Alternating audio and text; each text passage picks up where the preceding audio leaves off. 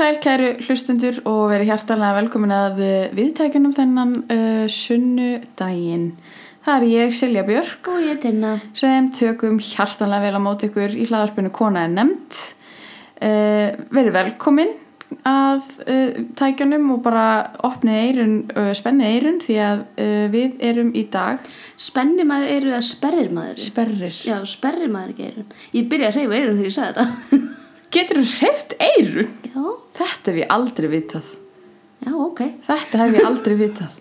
En uh, aftur að efninu, uh, þáttu dagsins er partur af hinsegin uh, þáttaröð okkar þar sem við erum að fjalla um hinsegin fyrirmyndir með einu með öðrum hætti og erum að gera það í tilefni að 20 ára ammæli præt uh, gleði göngunar og gleði hinsegin dagana á Íslandi og 50 ára ammæli Stonewall uppþótana í bandaríkjunum sem að þið fá eflaust að heyra aðeins meira um á eftir og þema dagsins eða konur dagsins eru transaktivistar Mhm. transkonur og aktivistar með meiru Með meir. með smjöri og öllu og það verður spennandi að segja ykkur frá því en um, áður en við vindum okkur í efni þáttarins þá ætlum við að vera með örlittla tilkynningu Já, uh, við ætlum að fara aðeins yfir tvent. Í fyrsta lagi þá vil ég að það komi skýrt fram að við erum 150% uh, sagt, stiðjum bara transréttindi, kynsiréttindi og hinsiréttindi bara til hins ítrasta. Þetta er ekki negin spurning í okkur huga, þetta ekki, verður ekki drætt eða þannig. Uh, veist, við höfum gert okkur mistök, við höfum lært að þeim, við erum ennþá að læra að þeim og bara erum að gera okkur besta til þess og bara viljum endilega alltaf læra meira. Um, en það er, í okkur huga, það er engin afsökun, það er ekkert, það er ekki hægt að vera á móti transfólki, það er bara, þú veist, Já, þetta er, ekki, veist, þetta er ekki hópur sem við tilurum en þetta er hópur sem við stöndum með og það er alveg að reynu hjá okkur að transfólk er alls konar sem vilja fara í aðgerir, önnur ekki. Uh, líkamli kynfæri segja ekkert til um kynfólks.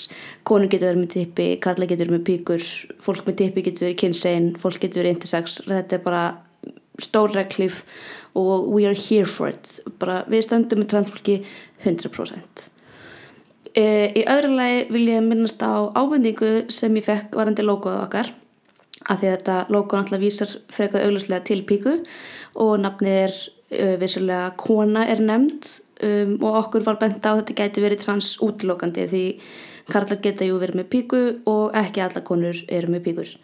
Um, á sama tíma kom þetta góða punktur frá sum mannesku um að tippi eru allstar það er bara lífið er mjög phallocentric eins og maður segir, þau eru allstaður og alls ráðandi.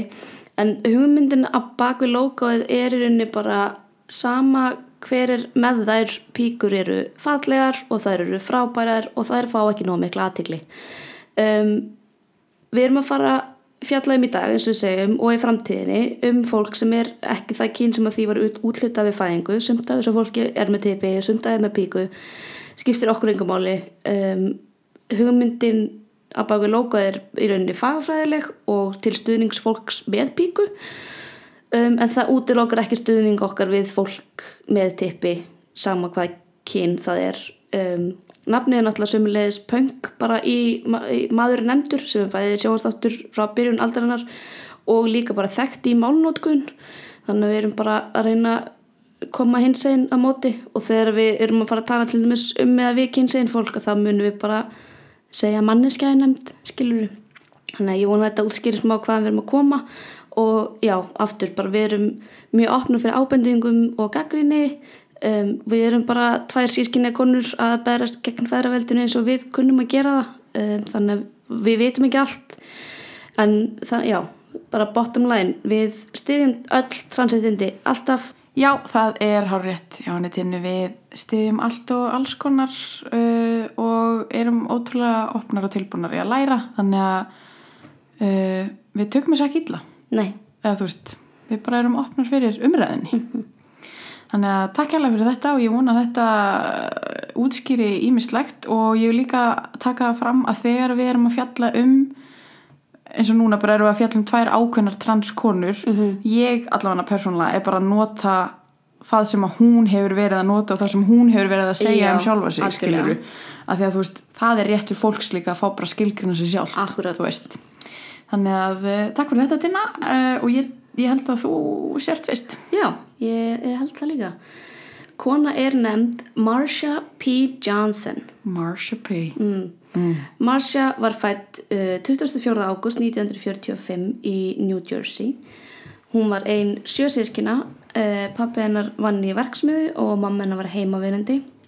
Uh, heimili var mjög kristið og Marcia var alltaf mjög trúið sjálf en var mjög opinn líka svo sem fyrir öðrum trúabröðum með sínum eigin og, og svona forvitin um þau. Um, Marcia, sagt, henni var útlutað karlkinn við fæðingu en hún byrjaði að klæðast kjólum og öðrum stelpufötum bara þegar hún var fimm ára og hætti því svo að því að verið að stríðinni fyrir það. Hún sagði að setna í lífinu, sagt, eh, þegar hún er held ég bara úlingur sjálf eða barn, að þá var hún sagt fyrir kynfyrsofbeldi af hendi tánings og það hefur svolítið lokað henni inn í skápnum um, þar sem hún var hann í New Jersey. En þegar hún fluttið til New York borgar, 17 ára gömul, þá kynnist hún hins einn fólki í borginni og fer svona að koma út þar að því að henni finnst hún vera í bara örug umhverfi og hún sérst mætti hana 17 ára með 15 dollara og pókaði fötum Mm. til New York borgar Fitting Bara- Dallas. Já, akkurat. Já, já, já. Mm. uh, Marcia eins, já, er náttúrulega þekktust kannski fyrir að hafa tekið þátt í Stonewall uppreisnanum 1969 en þess utan er hún bara, uh, var hún bara mjög mikil aktivisti allt sitt líf um, það er oft talað um að hafi verið transfólk sem að sem sagt, byrjaði uppreisnina og rauninni hafi að verið sko black transgender sex workers um, en transgender var ekki komið í neina nótkun á þessum tíma um, og hún talaði yfirleitt s- um sjálfa sig sem gay sem er ísett til samkynniðara manna eða sem transvestite Já, sem er náttúrulega Klæðskipt- klæðskiptingur. já, klæðskiptingur Já, já, um, mm. Hún var yfirleitt klætt í kvennmannsföt og þú veist að komuleg fyrir hún var klætt í kallmannsföt þannig en Mm. hún notaði, þú veist, hún notaði þetta nafn Marcia og hún notaði uh, sagt, þetta fornafn hún Einn ein svona uh, hliðapunktur, hvenar verður þetta, þú veist, hvenar kemst orðið transgender Ég held Í almenna það sé bara, notkun, er það ekki bara- sem ég á þessu, þessari öld sko, þú veist, kannski seint á síðustu öld eða í byrjun þessari Já. sem að transgender verður hugtak en ég svo Ef einhver veit það, til að uh, já, mér- G- G- Slend my DMs já svo hérna svo sá ég sérst þar prófessor í kynja og kynfræði við háskólinni Arizona sem að saði að það væri hún heiti Susan Stryker að væri kannski best hægt að lýsa kyntjáningu mörsju sem gender non-confirming eða ódæmigerð kyntjáning Já. held ég að sé. Um, sem að fellu kannski undir kynsegin hjá okkur í dag. Um, eins og segi, massa nota allir tjánstættir um sjálfa sig af því að það var ekki komið í notkun og það er mikil umræðum það er kynjafræði að við getum ekki nota hugtök sem eru til í dag af fólk sem að var uppi áður að þetta er ekkert endilega orðin sem þau hefðu notað sjálf, við vitum ekki hvort að. Masja hefði talið sig transgender eða non-binary eða whatever, veist, hún notaði gay, transvestite og uh, drag queen og sig þannig já. að það eru þá orðin sem við myndum notum hana þetta er mikil umræða innan, innan kynjafræðinar já, að vera ekki að skilgreina fólk eftir á nei, nei um, Skiljanlega, eða þú veist. akkurat. en í sko viðtölum við vininnar og ættingja sem ég horfði á, veist, þá voru þau að segja það sem skipti ekkert allir máli þú veist, Masja bæði sjálf og fólk sem að, sérst, uh, var í kringum að þegar hún var lifandi notaði he og she til skiptis og þú veist, í þessum viðtölum var fólk sem nota he or she bara, þú veist, í sömu setningu Já. þú veist um, hérna, P-ið í Marsha, Marsha P Johnson stendur fyrir paid no mind og er sem þess að það var notað þetta uh, þegar fólk spurði hann út í kyninar bara þú veist, what's your gender, paid no mind. Bara kemur ekki við, skiptir ekki máli. Mm. hún bara, já. Hún sagði með sér sögðaði sjálf þar sem hún var fyrir fram að dómara sem að spurði hann út í þetta og hún sagði bara paid no mind. Og þegar ég heyrði þess að sögu fyrst þá var ég bara ú, kannski ekki alveg að fara að þanga með eitthvað dómara bara paid no mind eitthvað in the courtroom. En apparently fast hún myndi svo að fyndi að snilta hans leftinni. Um, en já, aðeins að Stonewall, það er mjög vinsalt að sagt, kredita hana fyrir það að hafa sagt, byrja þessa uppreist Kasta fyrsta steininum já, kasta fyrsta steininum um, en þú veist, hún hefur alltaf sagt sjálf bara að hún var bara þarna, hún var bara eina af þeim skilur um, hún á að hafa kost, kastað sérst, skotklasi í speil fyrir sérst, aftan barinn og speil hann hefði brotnað það svona verið fyrsta sem að brotnaði að þannig.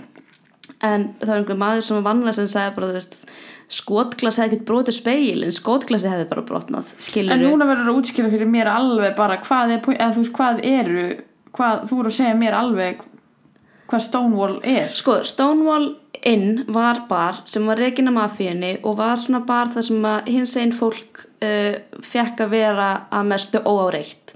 Um, að því þar, þú máttur ekkert vera öðruvísi hins einn að þessum tíma þannig að þau bara svona Þetta er árið þetta er þarna 1960 eitthvað, Já. Stonewall er 1969 þess 28. júni 1969 og uh, það var meiri sér eitt sem að talaði um sko að, að því að lögreglan kom oft þangað og var oft, þú veist, fólk þurfti að vera að identifæða sig og ef það var klætt í þú veist, hvermannsföt en löggan hjælti fram að vera kallað það var bara handtiki fyrir það og þú veist, ósæmileg hegðun basically bara ef það voru tveir kallar að tala saman og löggan var bara þið eru homar þá var þetta handtakað fyrir það. Þetta er ósæmilegt. Já, já. þannig að fólk var oft sko að kannski sitja svona semiliði hlið samt með svona nóga langt að milli sín þannig að það leit ekki út fyrir að vera saman og tala við hvort annað í speiklinum fyrir aftan. Þú veist þannig að fólk satt beint við barinn horfði í speilin og náði þannig aukkontakti við manneskjum sem satt við hliðina þeim og voru að tala þannig saman svo það sæðist ekki. Og það var líka á tímabilið að þurftir að hérna þess að sæna þig inn út að skrifa í svona bók þegar þú komst inn og það var rosa mikið af Jane Fondas og Elizabeth Taylors og þú veist sem að mætti þannig klúb og Marlon Brando og Rock Já, Hudson rosa og- mikið af þeim í einu, Einu. já, mm -hmm. að fólk alltaf vildi eitt vera að skrifa sín einu. Nei, nei. en Stonewall var bara basically svona hvað síðasta stráið eiginlega Mhm. það var bara svona venjulegt kvöld þar sem að löggan kom og byrjaði að handtaka fólk og fólk fekk bara nóg og bara og þaðan hvað verður upp, uppþótt Já, verður bara svona street riot Já, í rauninni. Þess að það er búið að tæma staðin fólki fyrir utan. Og en, með þess að sko endur að ég held með minnir ég hafi heyrt að þeir hafi bara verið áttalögreglumennin sem komið fyrst.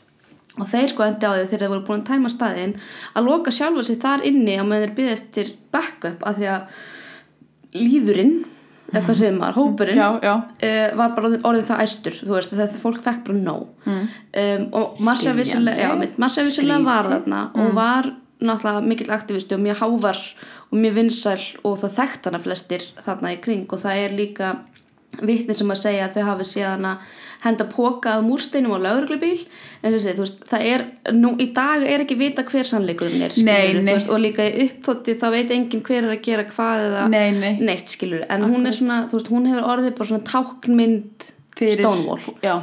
Um, en þessi upprist sko, gekk í nokkað daga eða viku eitthvað svo leiðis og er upphafið af, að hins einn baráttu eins og við þekkjum hana í bandaríkunum og hinnum vestrarneheimi í dag. Mhm. þú veist, þarna er alveg jú, þau eru alveg farin að berst fyrir sinu réttindum en þetta var bara svona turning point. Einmitt.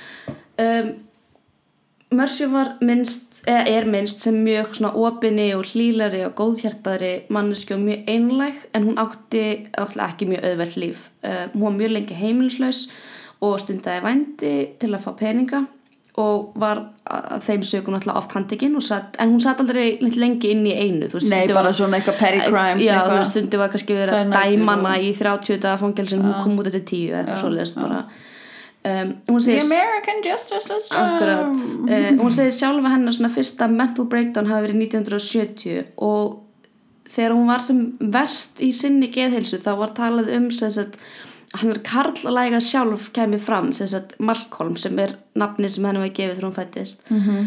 um, að því að þú veist þá talaði hún með dýpri rödd hún var reyðari uh, og þetta meira- svona Malcolm hafði mjög stuttan þráð þannig að hann, hann var mjög reyður og hann uh, var afbeldisfullur og bara leið mjög illa og var, þess, Mercy var út af þessu bannað að koma inn á marga hinsiðstæði, veist, hún var hún var alveg problematic þannig séð skilur, hún var ekki þessi engill þú veist, ég til dæmis af alltaf einhvern veginn bara séð hana fyrir mig sem einhvern engil en hún alltaf segist, hún var bara heimilislaus hún var að vinna fyrir sér uh, með vændi og hún var með gefandamál og náttúrulega notaði einhver eiturlifi og þú veist, Einhver. e- einhver, þetta er bara þessi tími Já, já, akkurat, já, já. En Og þú veist að svo náttúrulega hvað segir maður svona, þú veist þeir skrifa söguna sem að sigur hana eða þú veist þetta er svona fegrun bara og algjörlega.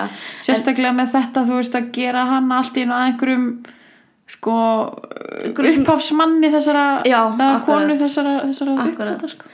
En út af þess að um, þessu viðkvæma ástandinu þá var hreyfingin eftir Stonewall svolítið rög við að setja hana fremst til að byrja með það er að segja. Mm, þrátt fyrir hennar gífulega aktivisma og þáttöku hennar í þessari hreyfingu eins og Gay Liberation Front og, og svoleiðis uh, ég mælu innilega með heimildamyndinni The Death and Life of Marcia P. Johnson uh, sem er á Netflix. Hún er frá 2017 uh, þar sem að vinkonennar Victoria Cruz sem er í Anti-Violence Project í New York núna reynir að komast til boss í andlati Mercy sem ég fer betur aðeins yfir og eftir en þaðan fekk ég mjög mikið af upplýsingum. Og í þeirri mynd kom líka fram önnur vinkona þeirra Victoria Mercy sem ég þarf að tala um og er eiginlega sko her own segment bara kona er líka nefnd Silvia Rivera.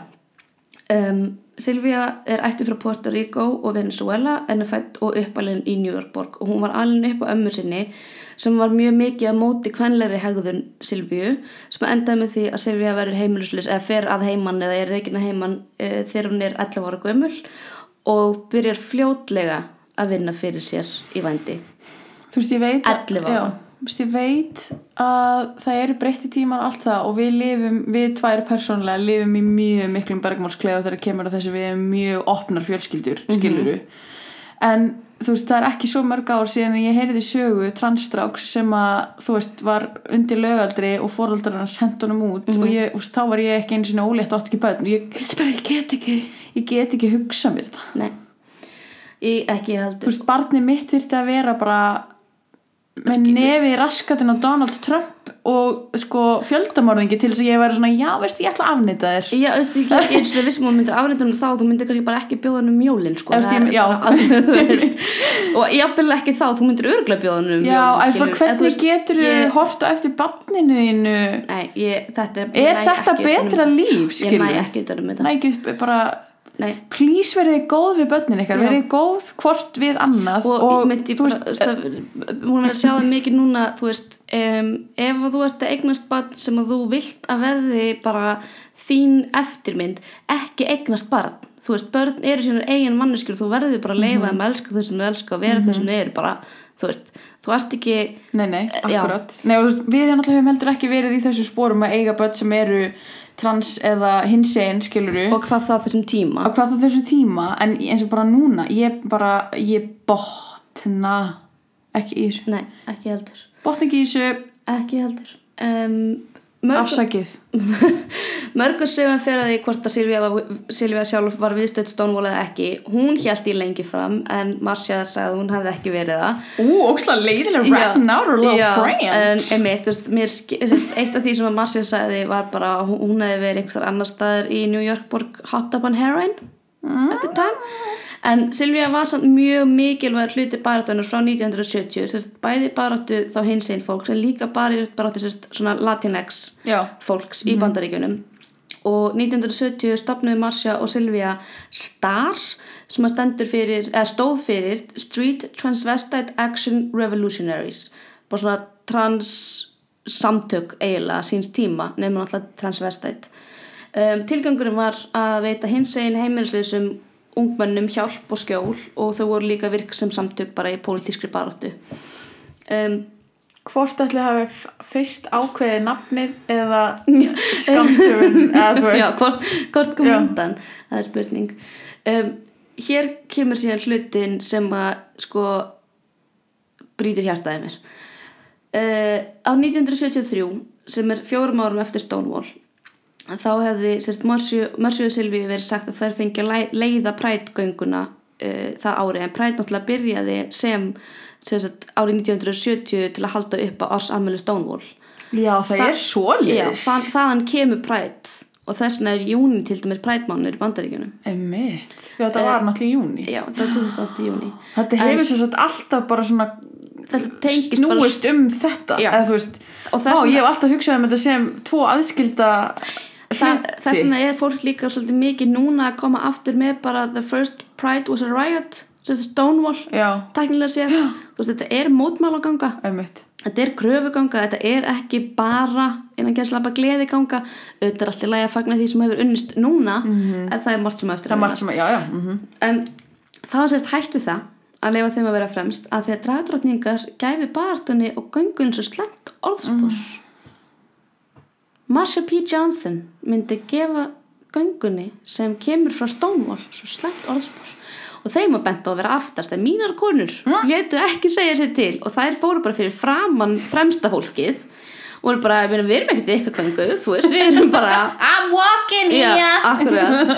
Um, That's a very New York thing to say. Og Silvíu, Silvíu hafði verið sagt að hún ætti að fá að halda ræðu eftir gönguna á, á hérna hátíðarhöldunum en það var eitthvað tekist á um það því að hún var ekki svo staðal ímynd af dragdrottningu sem að mátti innan gerðslappa Fyrir hvað fyrir ekki hvaða staðalímynd var það? ég, ég veit það ekki. Bara örglögn þess að Silvíu er transkona Já, já, já, þú veist, hún var ekki þú veist, þegar, þegar þú segir dragdrottning núna þá ertu að hugsa um Bianca Del Rio og Bob the Drag Queen og RuPaul skilur sem eru kannski augljóslega dragdrottningar en ekki trans eða kynsegin skilur, það eru bara cis men playing women þú veist, sem að er bara það sem að Marcia og Silvia voru ekki. Þetta er bara hlutið þeirra identity. Um, Já, þannig að það var búið að segja við henni að hún mætti halda þessa ræðu en eitthvað tekist á, það, á um það. En hún kom sér samt upp á svið og það var einn maður sem að hérna, greip í, í mikrofónin og var eitthvað þú veist, ég vil ekkert vesen bara eitthvað, en hérna, hún, hún tók mikrofónin og Þú ert búin að skapa vesinn já, sko þessi ræ- ræða var í heimildamyndinni og ég þurfti að stoppa hana oft þegar ég bara horfði á hana öll skiptir sem ég horfði á hana ég þurfti að horfa nokkur snum á hana að því ég bara var svo reyð og sorgmætt og uh, ég ætla eiginlega bara að fara með hana orðrétt á ensku ég ætla, vil ekki þýða hana að þetta er bara orðin hennar -hmm.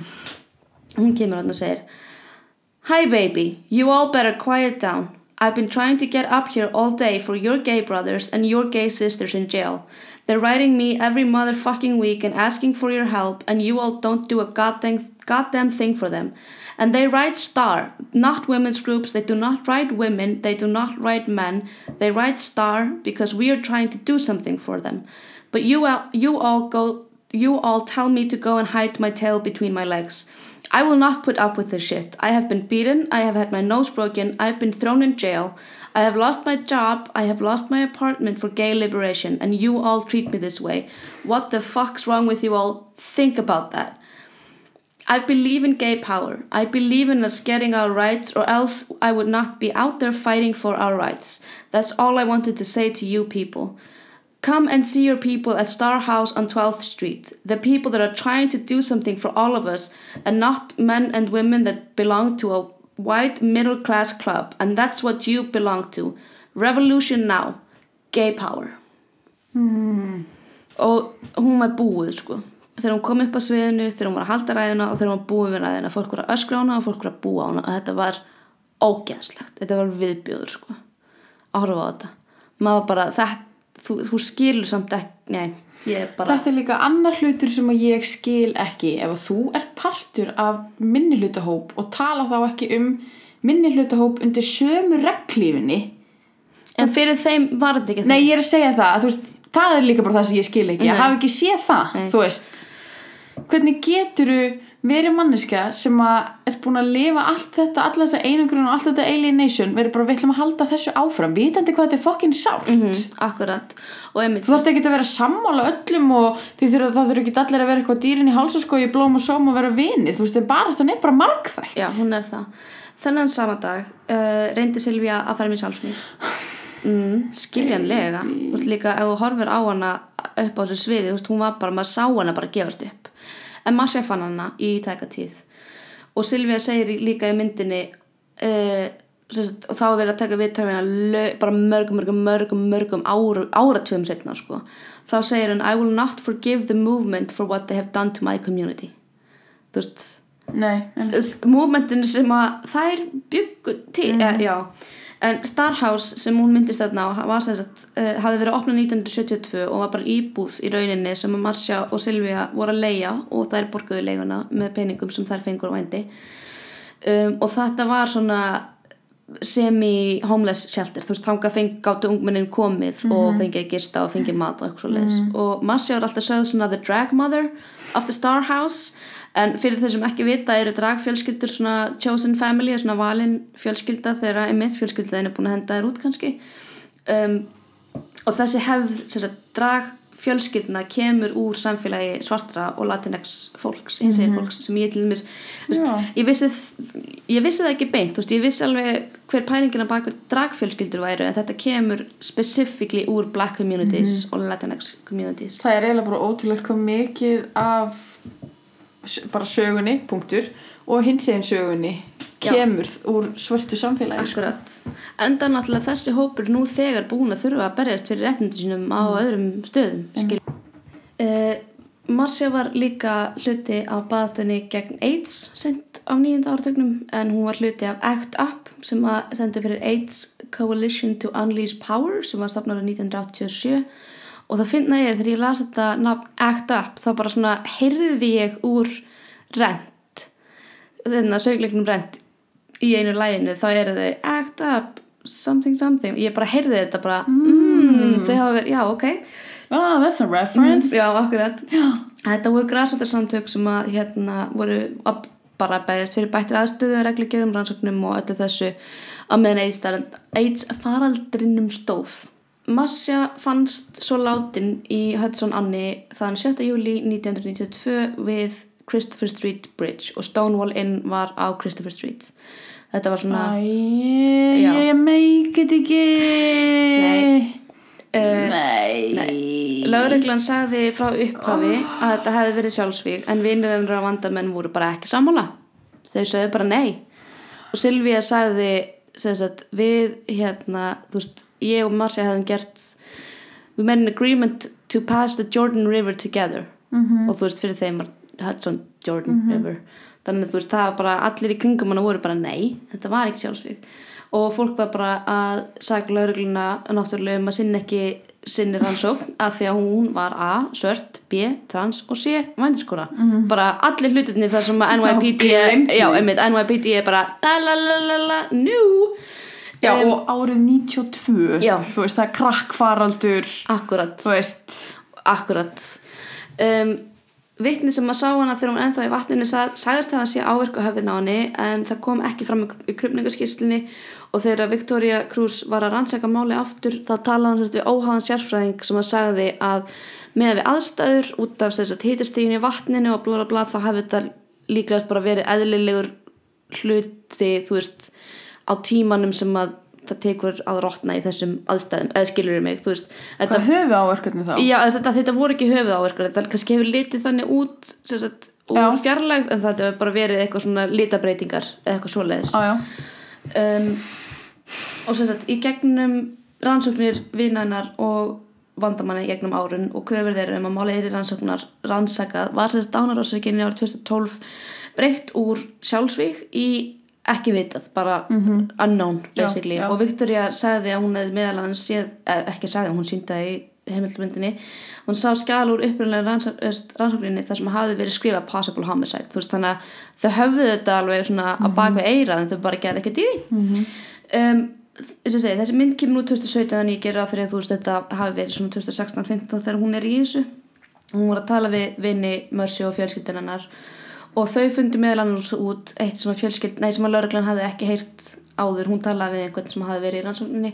Að vittni hafði sagt, segist það að séðan að elta og áreita af hópum manna kvöldi áður en hún fannst. Let that sink in. Um, Ég það hata sko unresolved Já, en eins og veist, það voru ekki neina áverkar, þannig að ekki, þeir, ekki, þeir hafa ekki ráðist á hana en fjölskyldan er meira bara svona, þú veist, kannski datt hún úti þegar hún var að flýja þá, skilur Já, eða þeir hrindinni. Já, eða þeir reyndinni, skilur það er bara ýmsar ástæður, þú veist, og segja þetta Ekki, Þú dettur ekki fram af brú bara Já, eitthvað svona þú að því bara nei, skilur þú veist, Þú ert ekki að hlaupa undan fullt af fólki og ert bara, ó nei, nú er ég farin yfir handriðið Nei, einmitt, þetta er ekki teiknum minn, skilur Eitt frændin var að segja, þú veist, kannski var gati í brunni eða eitthvað sem hún hefur ekki tekið eftir það var nótt, skilur þannig að en either way, þá bara, þá var þetta ekki sjálfsvík það er bara, þú veist, það er það sem fó- fólk er búið að koma staði í En rauninni. hversu oh, en, sko, ef þeir finnst þetta erfitt Silja, býttu bara. Svo þetta, þetta var, já.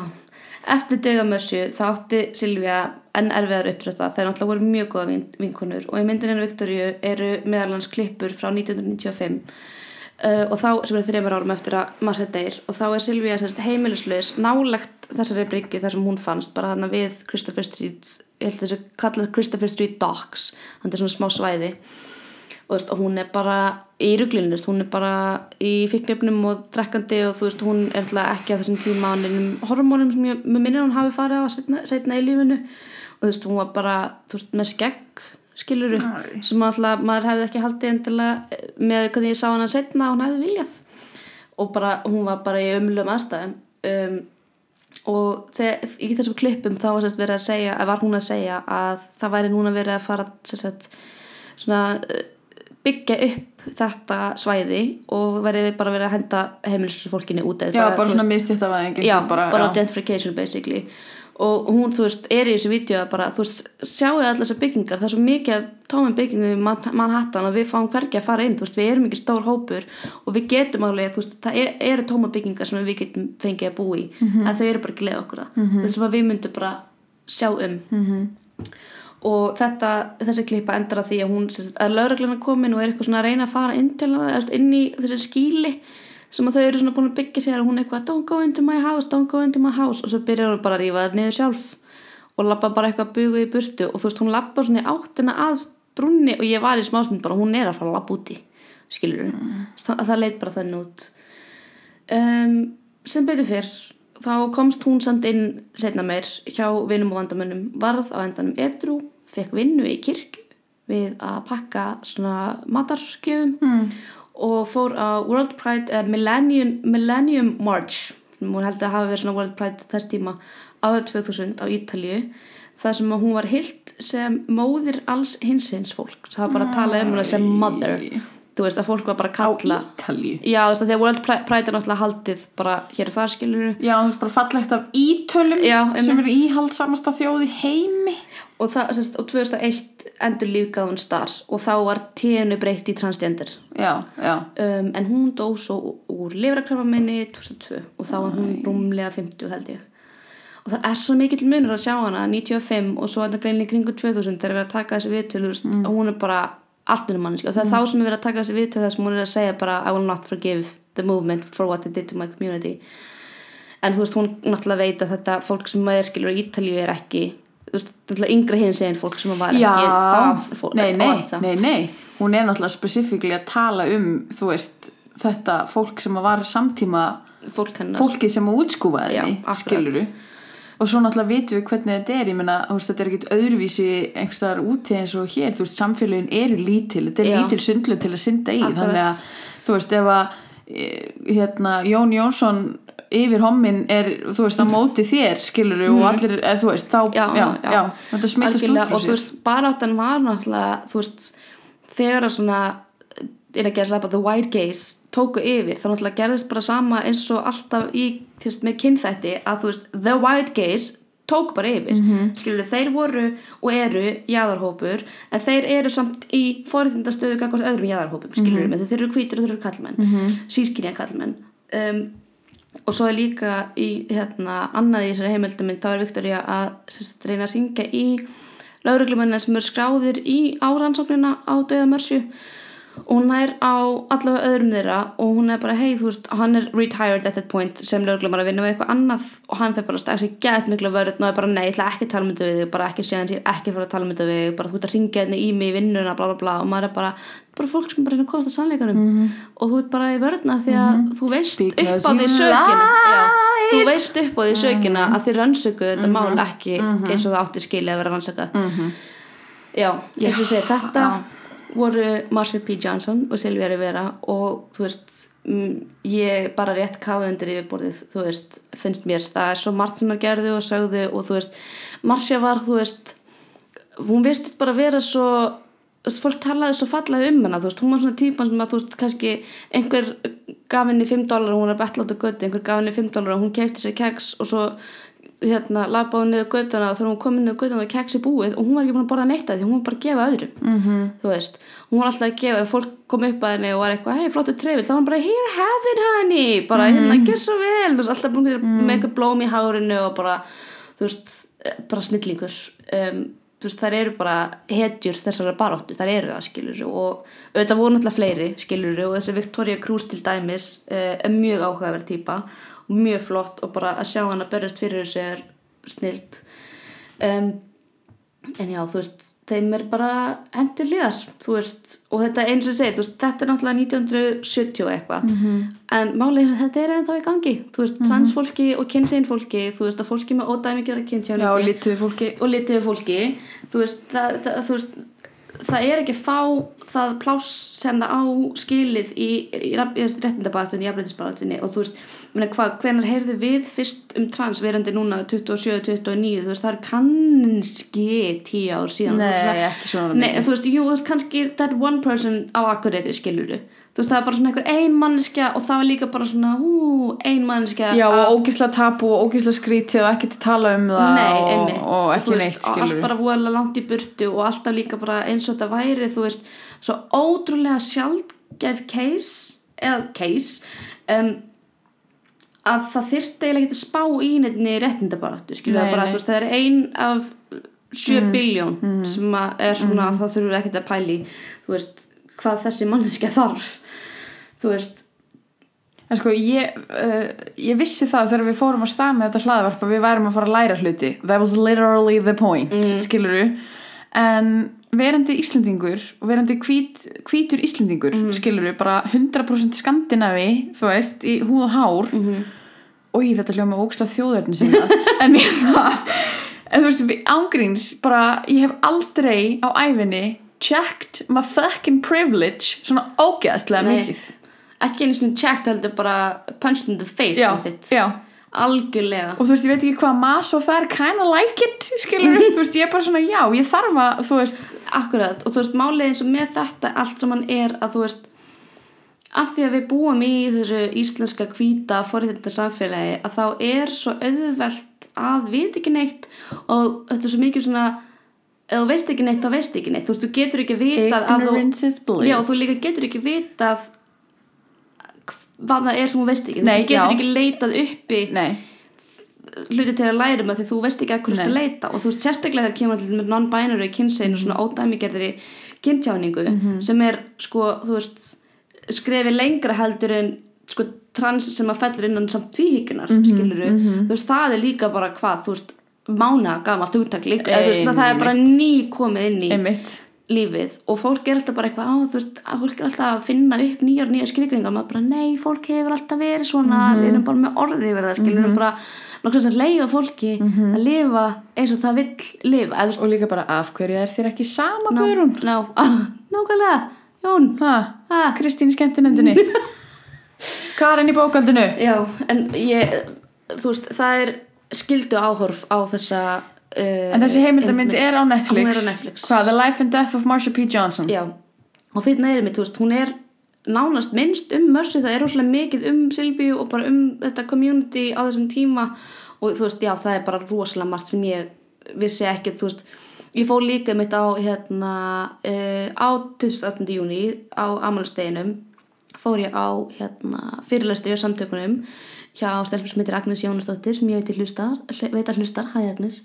Sem að einmitt uh, var að tala um, þú veist, Stonewall hefur orðið að svona það er rosalega mikið af misconceptions. Það er einmitt, þú veist Master P var hérna til einhver upphans manneskja þú veist, við vitum ekki hver einan gæslapa kastaði fyrsta múrsteininum og þetta var líka ekkit endilega þetta var ekki bara eitthvað svona einn daginn allt í einu voru upptátt, þetta var búið að gerjast svo ótrúlega lengi þú veist en í, í minningunni og í nostalgínu þá er þetta svona svona eins og einhverjar ofurheitjur hafi sprungið fram með eitthvað gay power! Eitthvað, þú veist. En þær voru búin að berjast svo lengi mm -hmm. Já, þetta er bara svona- 69 vendipunktur. Já, 69, hún er fætt 45 hún er, Marcia hefur verið 24 þarna en hún flyttir til New York þegar hún er 17 mm -hmm. hún er búin að vera í New York og í þess öllu í sjö ár þegar þetta gerist skilur en bara, já, horfið á þessu mynd og ég ætla örgulega að segja bara, þú veist, það verður bara svona uppásetningi mín núna í ágúst, það verður bara, góðan daginn, hæ, ég heiti Tinna horfið á The Life and Death of Marsha P. Johnson á Netflix, bless þú veist. Ég, þú veist, ég mun horfa á hana aftur, sko, ég bara já, en og undirbúið ykkur andlega fyrir ræðin hennar Silvíu á Pride 73 það er bara það hjartaði mér molnaði það molnaði. Gleðilegt præð Gleði ganga já þetta voru Marsha og Silvía Já, þetta var uh, þetta var átakanlegt. Já. Það verður bara sést eins og yes. Ég ætla hins vegar að fara aðeins að yfir á léttari nóturnar Já. og segja ykkur frá því að kona er nefnd Laverne Cox. Já. Yes, Laverne Hún, eh, Laverne Cox er fætt uh, 29. mæ en uh, hún gefur ekki upp hvaða ár það var. Nei. Nei, það er ekki búði og ég gæti ekki fundið af hverju það var eða, eða neinar spekulasjónir um það. Ekkert á MDB ekkert á Wikipedia og bara hvergi. Nei. oh, oh my god sem er fyndið af því að hérna svona smá sidestep uh, uh, Mariah Carey er alveg fræg fyrir þetta og mm. aldrei gefið upp hvenær, og hún er annarkvort fætt 70, 71 eða 69 mm. og það stendur á Wikipedia possibly, skilur en hérna það stóð bara hjá henni Laverne að það væri bara uh, unknown já En hún er sem sagt hinsegin aktivisti, transaktivisti, leikona, leikstjóri, framleiðandi, fyrirsæta og söngkona. og snillingur Og meistara snillingskona með meiru. Hún er fætt í bænum Mobile í Alabama og hún er einingja tvíburi. já alveg rétt Hún er einingja tvíburi og bróðir hennar, uh, já þannig að þessast, henni er þá gefið úthlutað útlutað karlkyn. karlkynni við fæðingu og, og já, hún og, ég byrja að segja, eitthvað frá bróður hennar eftir að það er skemmtilegt eitt um bróður hennar. Þau voru alin upp af einstæðri móður og ömmu sinni og voru í AME Sion kirkjunni.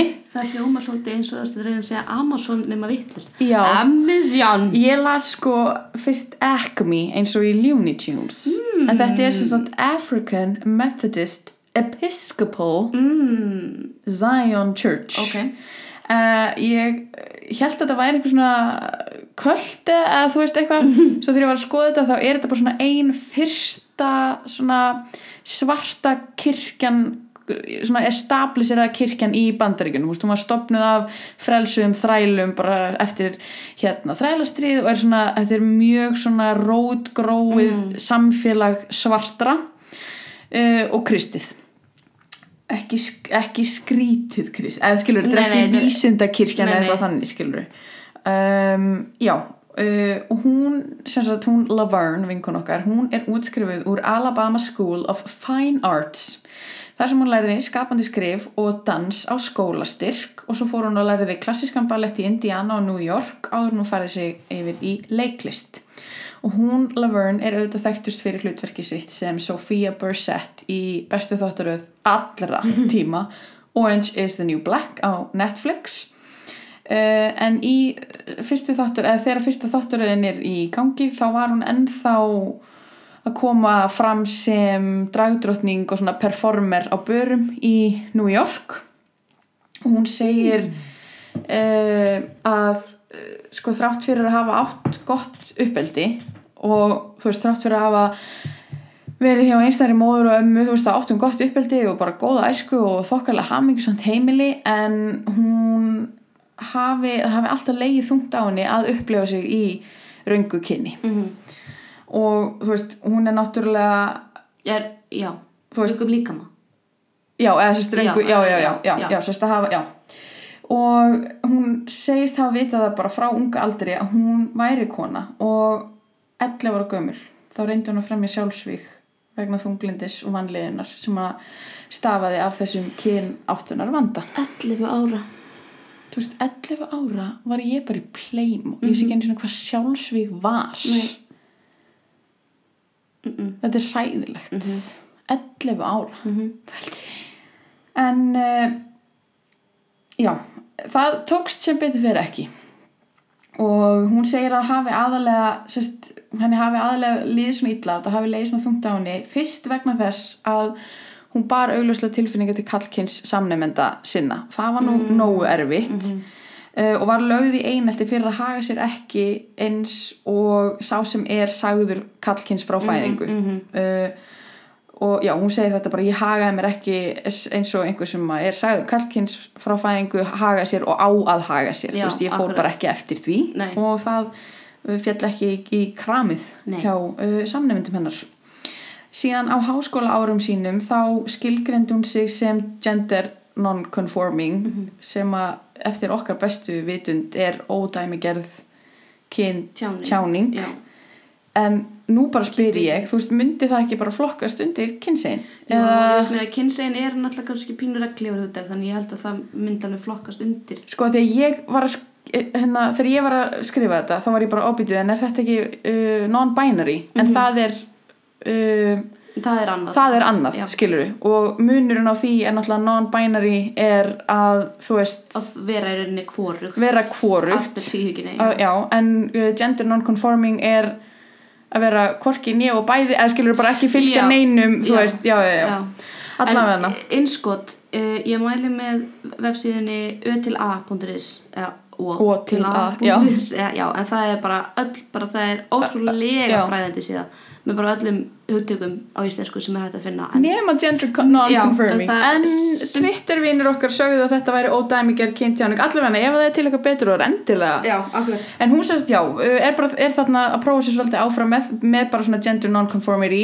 og, en svo sá hún sjálf, hún varð alltaf svona kvenlegur og kvenlegri og fljótlega eftir þetta þá ákvað hann að fara að hefja þetta kynleiðréttingaferli um, en hún hjælt alltaf í þennan leiklistar svona frama og drauma og langaði að verða stjarna og en var, langaði líka að verða aktivisti en henni fannst eins og þetta tvent gæti ekki átt heima á sama tíma og sama stað, skiluru um, og hún tala mikið um þess að þrá og löngun að verða leikona og koma fram á sviði og fá lofatak fyrir. Og hún segir að and live for the applause. Já, eins nokkulega og skáldið sagði. Eins og skáldi, eins og drottningi sagði. En hún tala til dæmis um þetta að hafa verið dragdrottning og, og þú veist, og hvernig hún talar um það í dag hún bara, ég er ekki og hef aldrei verið dragdrottning nei, emmitt skiluru um, að því ég var ekki að gera þetta sem einhvern performance. Performance, þú veist þetta var bara ég að koma fram skiluru en á þessum tíma og einhvern veginn þegar þú ert að fóta því þessu var þetta einhvern veginn svona eina skarfið sem að hægt var að tróða sér í? Þú veist þetta var eina móti sem hægt var að tróða sér í.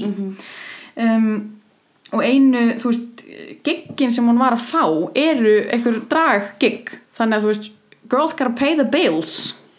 Y'all hear me skiluru.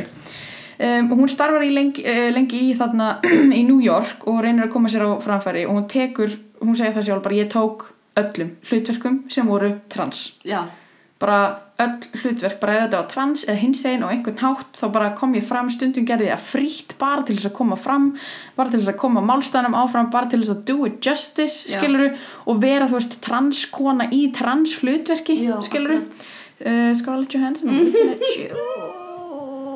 Hmm.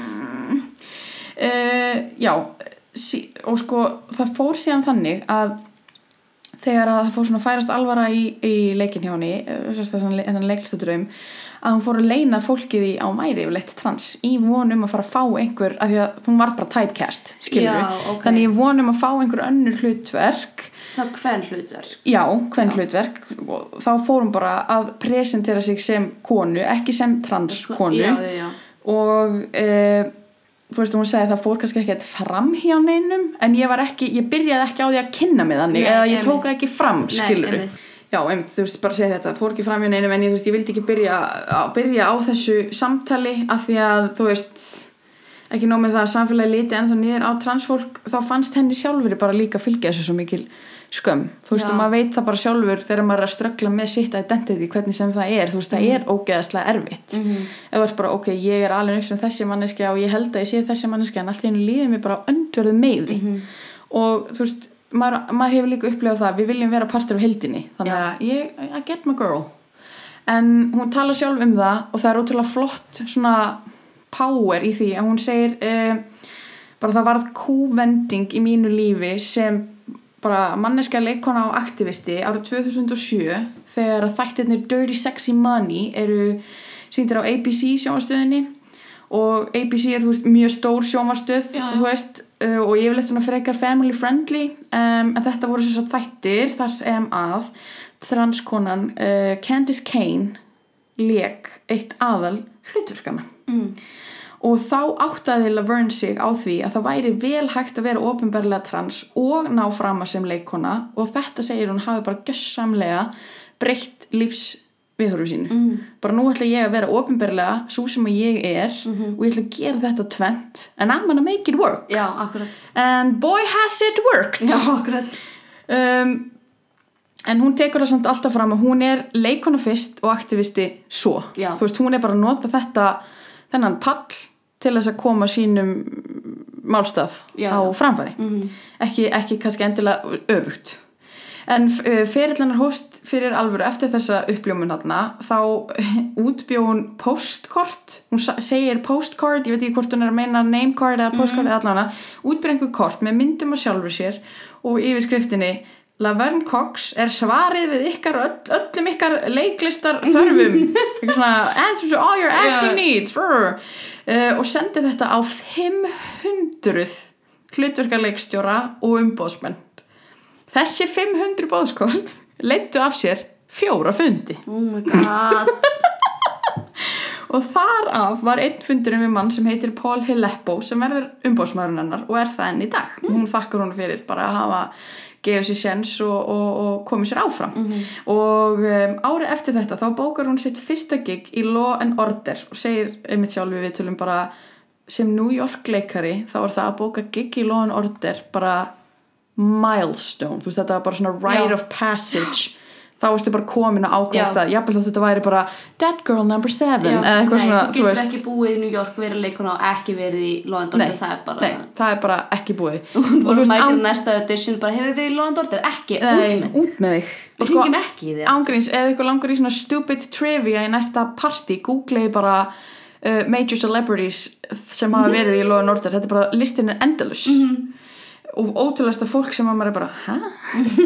en hún, eftir þetta Order gig, hún fekk hérna tvö, tvö tækifærðan í Order og hún fær ótrúlega mikið af svona litlum hluturkum í stórum sjómanstáttum en hún segir að það hafi verið mikið skref upp á við úr stúdendaleikúsinu og stúdenda uh, kvikmyndunum uh, og svo árið 2008 þá kefti hún í mjög förðulegum raunveruleika þætti sem heitir I Wanna Work for Diddy sem er, no joke.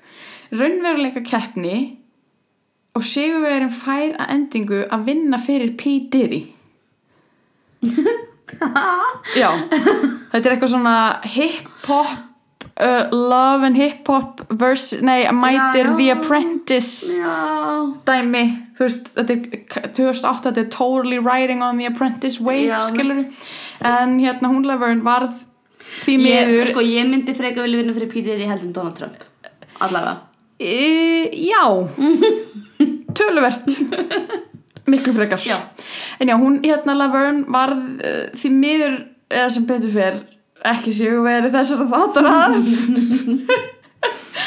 Uh, að þetta var sko eitthvað something else. Ég, þú veist, ég var eitthvað svona að lesa lýsingarnar á þáttunum og þú veist, eitt af þessu var bara eitthvað svona þetta var skipt í tvö lið og eitt þáttunum var bara þau ættu að fara út á götur New York og selja ylvasflöskurnar hans og, og það lið sem seldi fleiri ylvasflöskur þetta er bara, þetta er bara, þetta er bara The Black Apprentice skilur um, en þú veist, en af hverju viltu vera vinna fyrir Pete, ok. Já, allavega. hún hérna vann ekki keppnina en það sem að gerist í kjölfæra þessu er að VH1 sem að var að sína þess að þáttur sér hana og er bara, hei, það er potensi þessari. Mhm. þannig að þeir fá hana til og hún var mjög vinsæl og hún náðulega langt í seríunni. Mhm. en hérna þeir sá hæfilega henni og buð henni að gera sína eigin seríu. Og úr varð þáttaröðin Transform Me. Hehe, Trans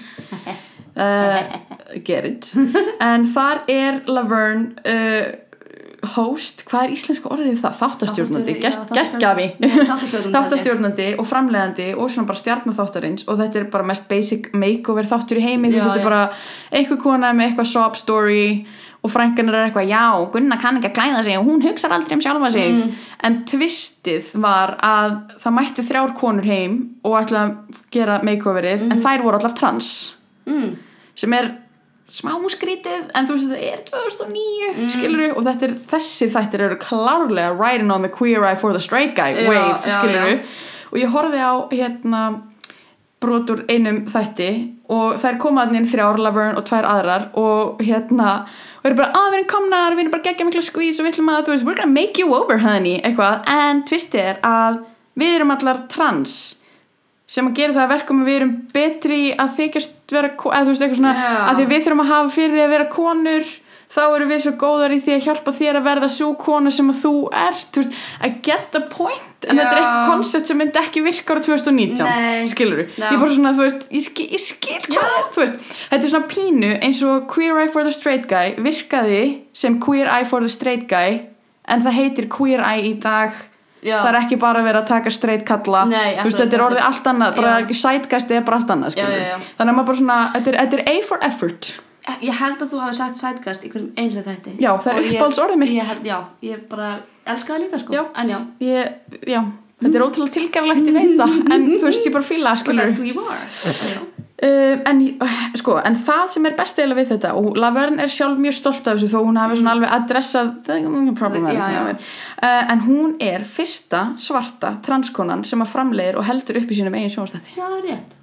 Já, kom, og ef það er eitthvað sem hún Laverne hefur gert þá er hún í 90% tilfella fyrsta svarta og fyrsta transkonan og fyrsta svarta transkonan Já, þú veist bara allt sem ég, já, við bara komist að því meira, því meira sem ég tala. Það er bara upptalninga upp, já, en hérna, sko, bæði þarna þessi fyrirlega raunveruleika þættir þarna I Wanna Work for Diddy og Transformi voru tilnæmdi til GLAD verðlunana en GLAD, fyrir þá sem vitað ekki er Gay and Lesbian Alliance Against Defamation sem eru non-profit samtöku bandaríkjunum sem stýðja við baki á hins einn samfélaginu og Laverne tók við verðlununum fyrir hönd P. Diddy á hátíðinni og sagði í ræðu sinni að það væri mjög mikilvægt og svo mikilvægt að allar sögur heyrðust líka þeirra sem eru trans og það einmitt þyrfti ekki, sögurnar þyrfti ekki alltaf að vera hræðilegar og átakanlegar og sorglegar, það mætti líka vera bara, já, ég er að keppi í þessu raunveruleika akkurat. skiluru um, en stóra breykið, stóra hlutverki kemur svo þarna árið 2012 þegar hún er ráðin í hlutverk Sophie Bursett í Orange is the New Black. Og Orange is the New Black eins og flesti vita eru gríðarlega vinsælir Netflix þættir sem eiginlega bara svona koma, þetta er eina þátturinn sem koma bara Netflix á kortið. Algjörlega. Um, og þetta er, eru þættir þar sem fjallar um líf hérna ímsu kvenna í kvennafangilsi í New York, fylki. Uh, og er svona tapestry of human emotions hefur þessu verið líst uh, og hún leikur þarna Sophie Bursett sem er transkona sem aflána fangilsistóm eftir kreditkortasvindl. Og hún segir sjálf að hún hafi heillast af þessum karakter að því hún er skrifaður sem bara svona margþættur þrývíður persónuleiki sem að áhörvendur geta haft samú með. Og eru ekkert endilega að hafa samú með henni af því hún er trans Nei, skilur, er bara- þetta er svo já. marglaga og hún sagði, þú veist, allt í einu það fallega við þetta, er allt í einu eru aðdæðandur farnir að hafa samúð með samúð með transmannesku og fyrir transfólk hann úti sem þarnast að sjá transpersonur í slíkri framsetningu sem er bara fólk eins og þau hafa mátt þóla það sem að þau hafa mátt þóla þá viss hún að þetta hlutur væri að fara að vera mikilvægt merkilegt og mikilvægt. Algjörlega. Og þú veist, bara flott hjá henni líka að þannig hún greinilega komin bara ok, ég skal alveg taka trans hlutverkum Algjörlega. en ég er ekki að fara að vera bara Bara, eðli, bara það já, líka. já, eins og hún hérna Carmen Carrera sem er líka transkona lendi í, hún var eins og beðin um að vera í hérna Cake Boss á TLC, mástu þetta Cake Boss Nei. Æ, þú veist, þetta er bara svona New Jersey gaurar sem er eitthvað bakar í og er að baka kökur og eitthvað svona dæmi, þetta er bara eitthvað raunveruleika þættir. Ok. hún var beðin um að koma og vera í þeim þætti og hún held að hún væri að fara að vera sem einhver transaktivisti en hún endaði á því að vera bara the butt of the joke af því að aðalgaurinn var búin að segja við frænda sinna að hann væri búin að setja upp stefnumót með óksla heitri gellu. Svo kemur hún og þeir koma allir hinn í gaurinn og bara ah it's a dude bara plot twist she has a penis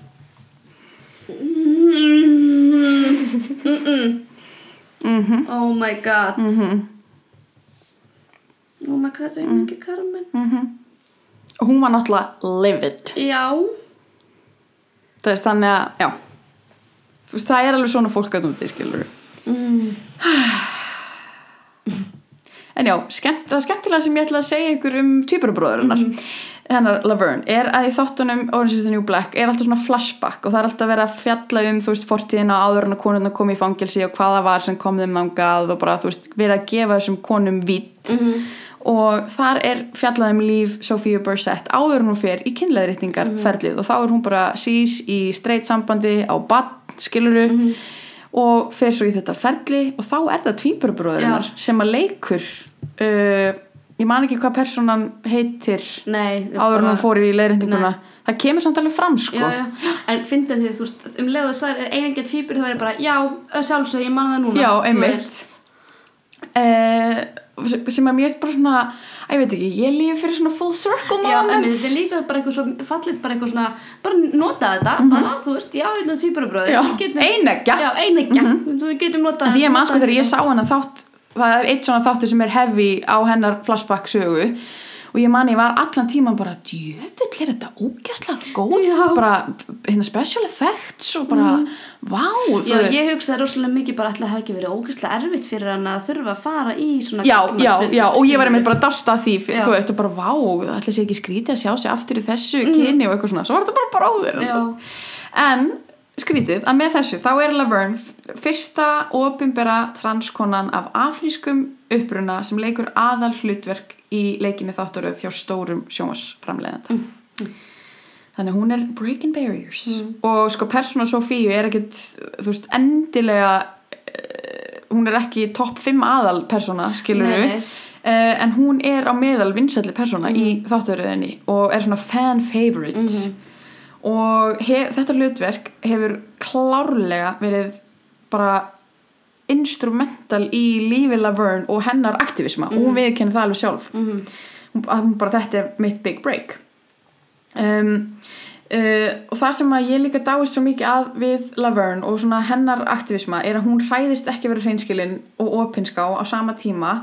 En um, hún áherslu þó það að fólk hefur ekki rétt á, það, rétt á því að vita allt um hana. Nei, ég veit ekkert frekar en ég heldur ekki rétt á því að vita allt um Brad Pitt eða þú veist bara skilur Julia Roberts eða eitthvað. Og gott dæmi um þetta er þegar hún fór í viðtali á Katie Couric uh, fyndi út að ég var að tala um hann áður uh, ára 2014 og þar er hann einmitt með Carmen Carrera sem er transkona á fyrirsæta. Og fyrsta lagi þá talaði Katie alltaf um transgenders. Mm sem er bara ekki rétt uh, og allir ættu að vita það. Þetta er ekki Transformers, skilur þetta er bara, nei. Oh, the, oh, the transgenders. Oh, the transgenders, yes, eitthvað svona. Þú veist, í staði fyrir að segja bara transgender people eða bara eitthvað. trans people. Já, trans people. Og um, og er svona spurningarnar eru bara svona þú veist æskilur er bara svona að spurja þær um álit allra transmanneskja á hinum og þessum hlutunum. Einhvern veginn bara mjög astanlega Já, spurningar skilur akkurat. sem að þær eru ekkert að fara að svara fyrir. Nei. og síðan fer hún að spurja út í allar aðgerðir sem að þær hafa mögulega farið í hvort sem að þær, þú veist, á andliti fingrum, kynfærum eða, eða hælum skiluru og Carmen bara svona, þú veist, einhvern veginn skauta framhjá þessu og bara hafnar því að svara þessu en Lav Laverne spurð hún spurði hann út í hérna kynfæra leðréttingu hún svarar Couric bara, þú veist, basically er fólk allt upptekið og allt og forvitið að því að vita hver væri og væri ekki búin að fara í hinn á þessu aðgerðina. Og það að spyrja svona syngt og heilagt um aðgerðir transfólks eða bara aðgerðir, líta aðgerðir yfir höfuð, bara hlutgerir transfólk, smættar sögu þeirrar niður í einhverjar aðgerðir og í rauninni einhvers konar svona keppni Já. í að sanna sig einhverju kyni eða hlutverki eða lífi bara. Akkurat, akkurat. Og máli líka með, með þetta er þú veist að þurfa að, að, að, að það eru notað þetta orð passing, þú veist passing as a woman, passing as a man skiluru og þú veist þetta er bara ekki, þetta er ekki svo leiðis eins og Caitlyn Jenner sagði nobody wants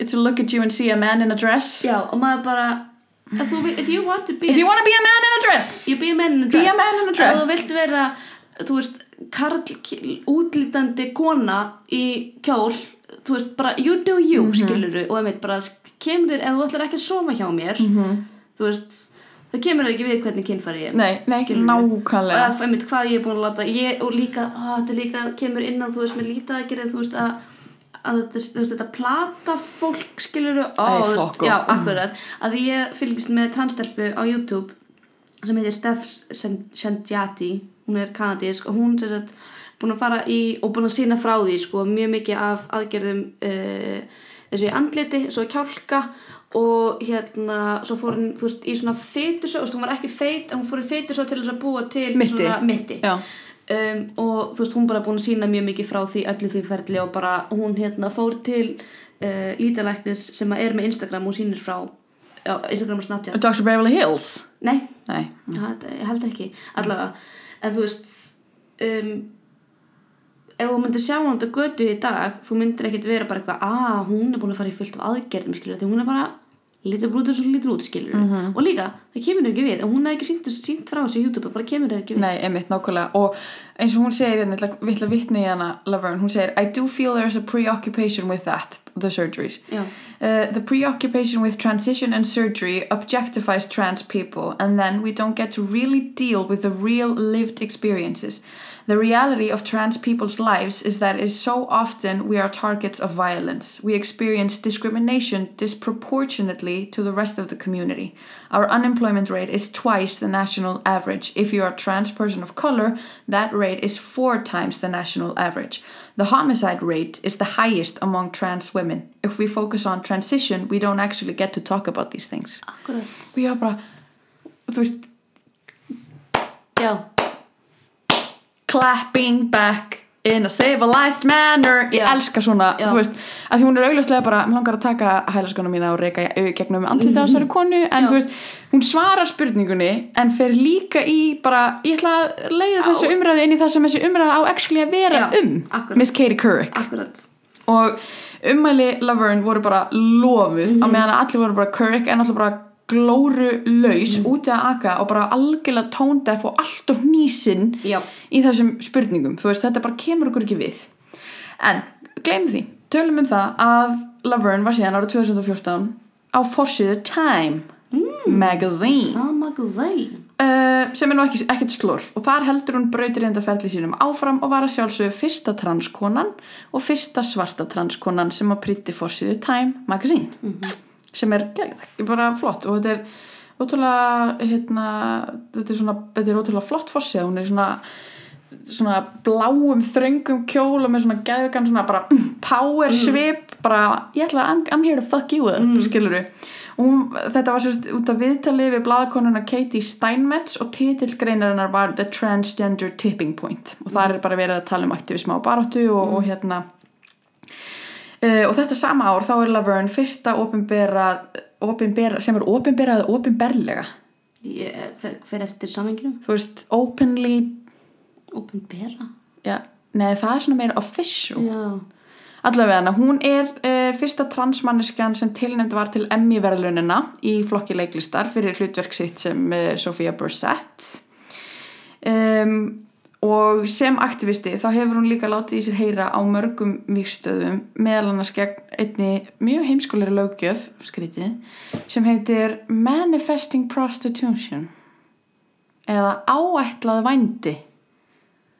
Og lögin eða þú veist eftirfylgni lagana þykja mjög mikið ala á fordumum sérstaklega gegn trans samfélaginu og uh, samfélagi litaðra og sko áætlað vændi er löggjöf þess efnis að hægt sé að handtaka og halda mannesku í gæsluviðhaldi fyrir það sem að lögreglan segir að sé áætlað vændi.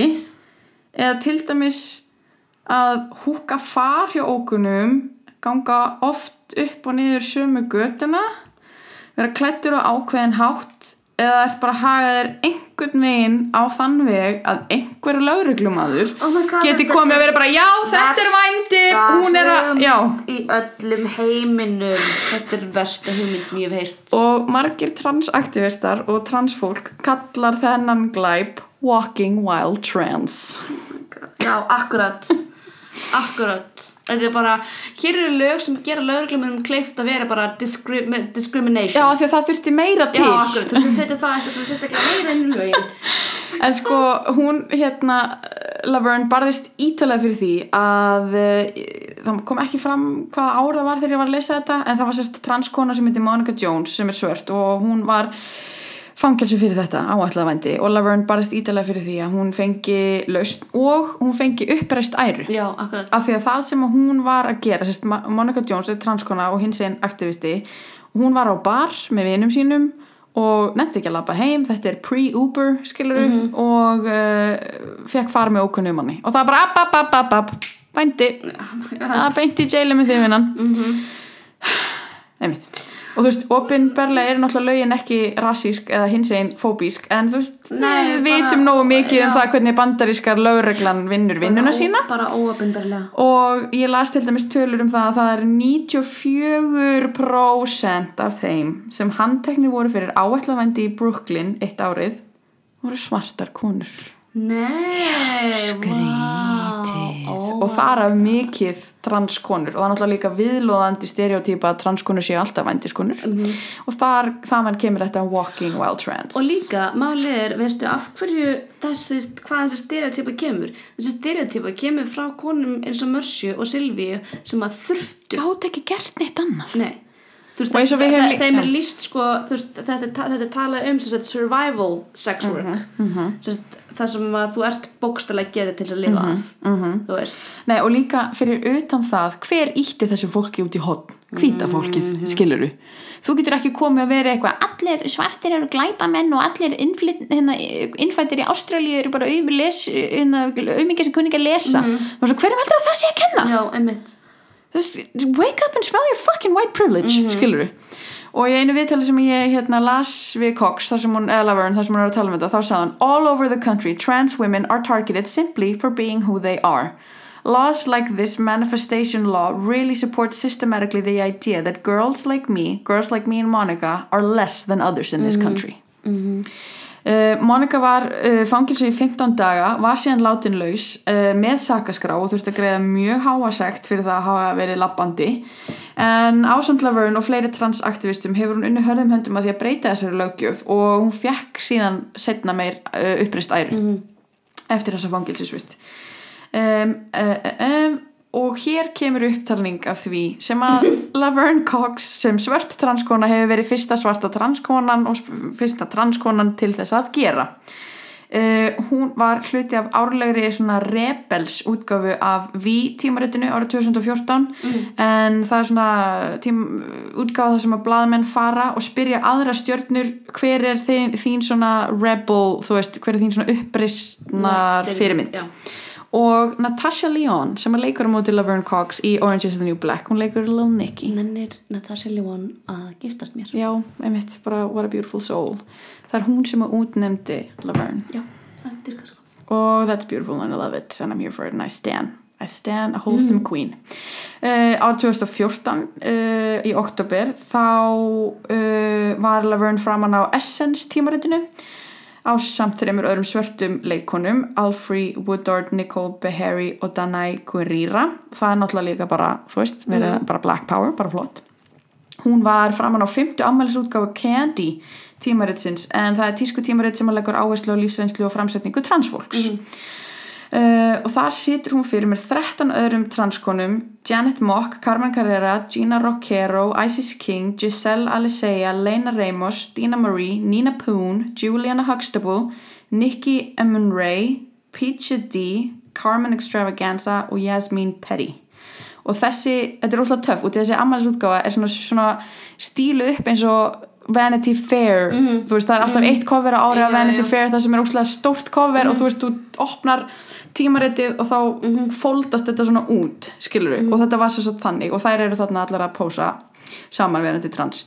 Og uh, Posing Wild Dress. Já, posing, uh, walking while trans.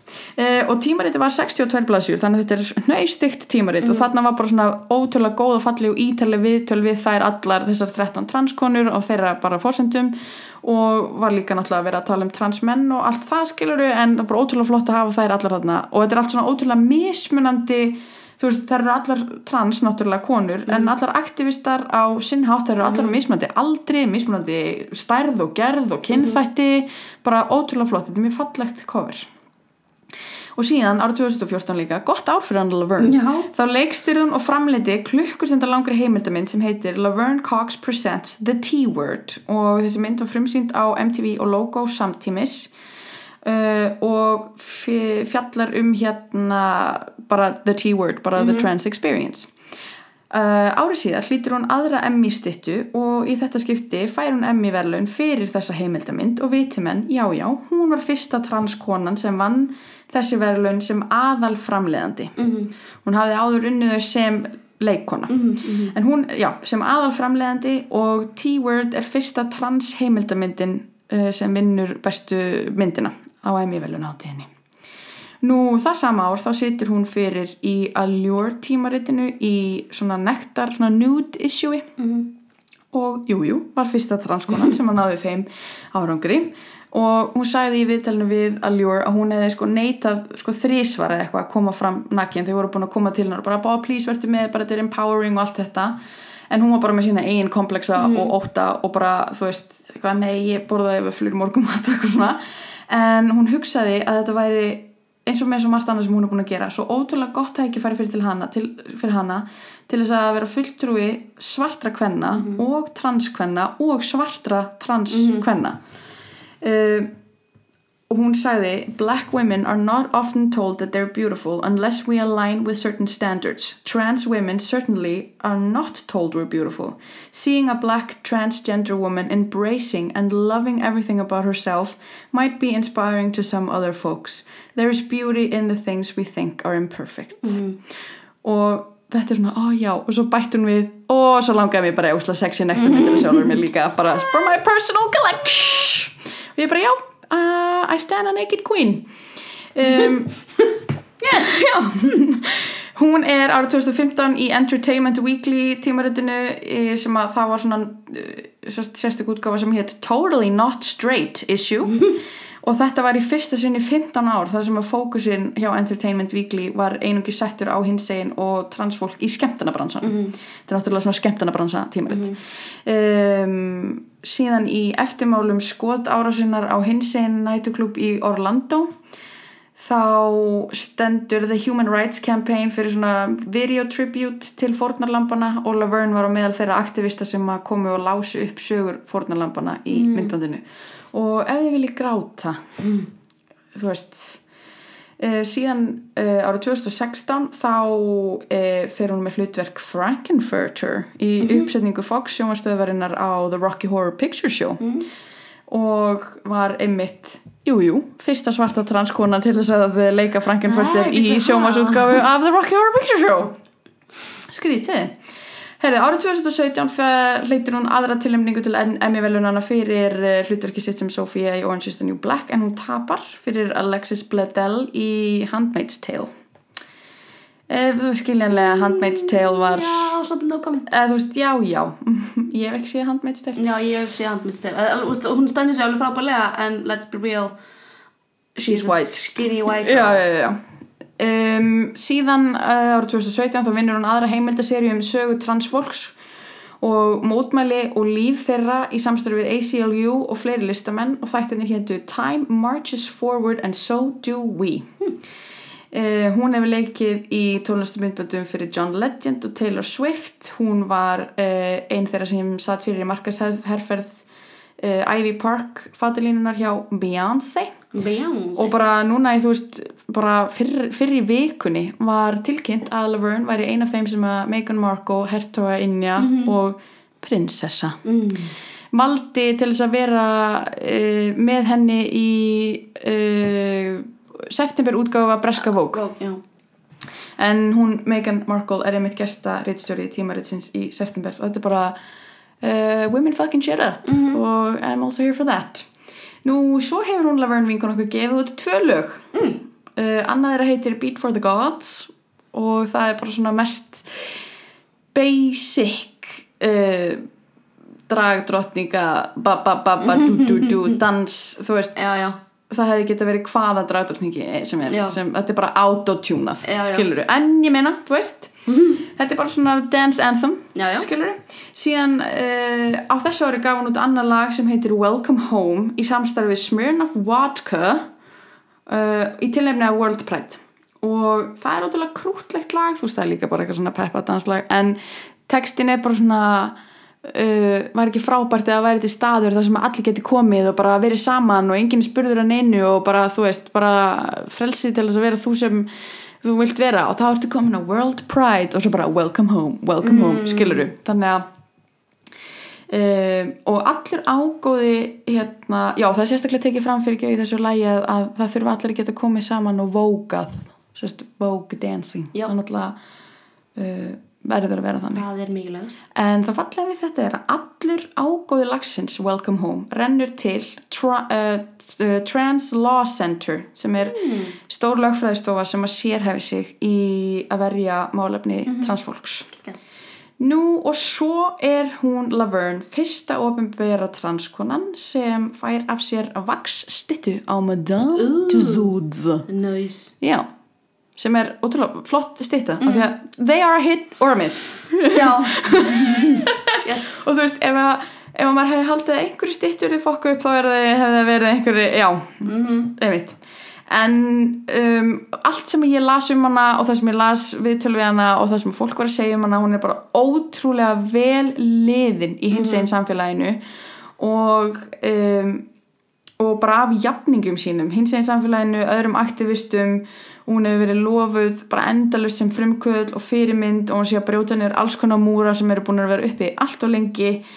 Og hún er, þú veist, fyrirmynd í svo mörgum hópum, þú hún er fyrirmynd fyrir transkonur og transfólk og hins einn baráttuna en líka fyrir svartarkonur já, þú veist, alveg sama svarta trans og trans ég er bara að segja bara alveg sama hvað skilur um, og þetta hérna verður til þess að hún fær heiður skráðu frá The New School í New York fyrir framsækna baráttu hennar í kynjabrætti ok, það er geggjað, heiður skráða það er og geggjað það er bara því líka viðhöfnin og jújú, jú, hún var fyrsta. Nei. sko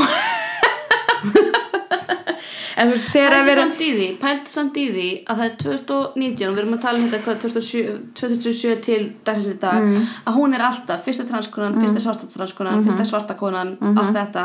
Og þú veist, Massa P. Johnson var svört, Silvía Rivera er latina ég meina hún er ekki fyrsta svarta konan sem hefur verið til sko. Nei, og ekki fyrsta transkonan, ekki fyrsta svarta Nei, nei. transkonan sem hefur verið til. Og hún er samt breaking these barriers today. Af því að þetta er náttúrulega líka einhver svona intersectionality skilur sem Já. að þú veist, já, akkurat. Og, og hérna já, að ég minnst líka bara fallegt þú veist, af því að það eru alveg nefnum engin nöfn en það eru alveg problematic aktivistar out there skilur Já, algjörlega eins og öllu skilur já, já og þess vegna finnst mér svo fallegt að hún sé svona, hún er svo ótrúlega virt og svo ótrúlega vel liðin.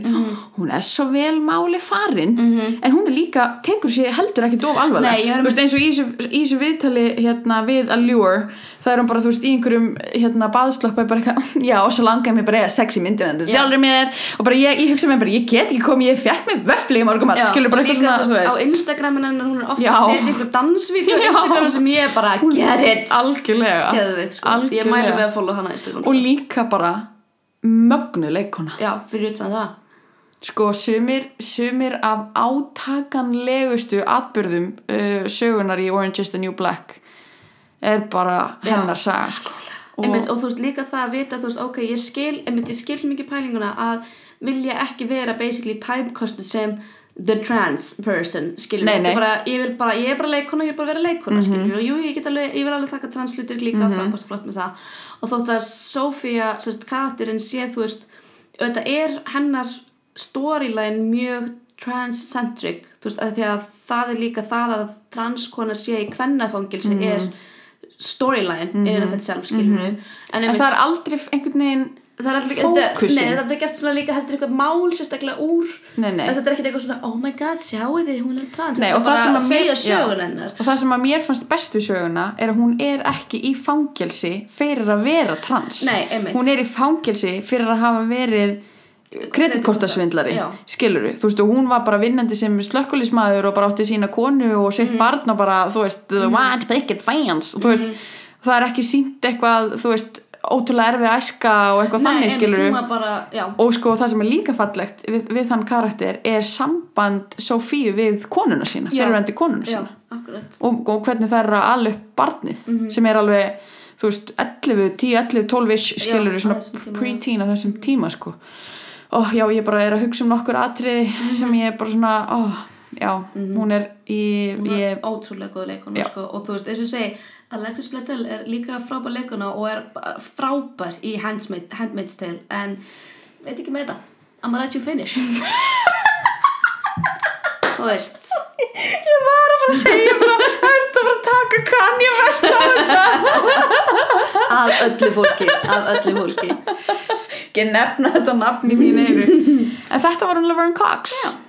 sem að er að eiga sem betur fyrir ansi mikið betri tíma heldur en Marsha og Sylvia. En við skulum líka átt okkur því að hún væri aldrei á þeim stað sem hún er í dag Ef ef ekki hefði verið fyrir Mercy P og Akkurat. Það er bara svolítið leiðist. Þetta er pínur svona einmitt bara eitthvað, maður langar að vera bara eitthvað, look, look what you did. Já, nákvæmlega.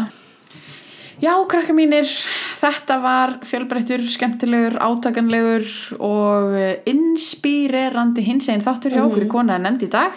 Við höldum að sjálfsögðu áfram með þetta hinsegin þema út allan ágúst mánuð Við erum að fagna hinseginleikunum. Það er bara svolítið svolítið og eh, já, bara við þökkum okkur kella fyrir það, muniði að elska, knúsa og kissa alla mm. og eins og Afi sagði, verið góð við allt og alla þá gengur mm. allt svo miklu betur já, já. já. ekki trafka á neinum nei, nei. öll, öll dýrni skoðum við vinnir og allt þetta mm -hmm. -hmm. absolutt og hvers vegna er það? af því að feðra veldið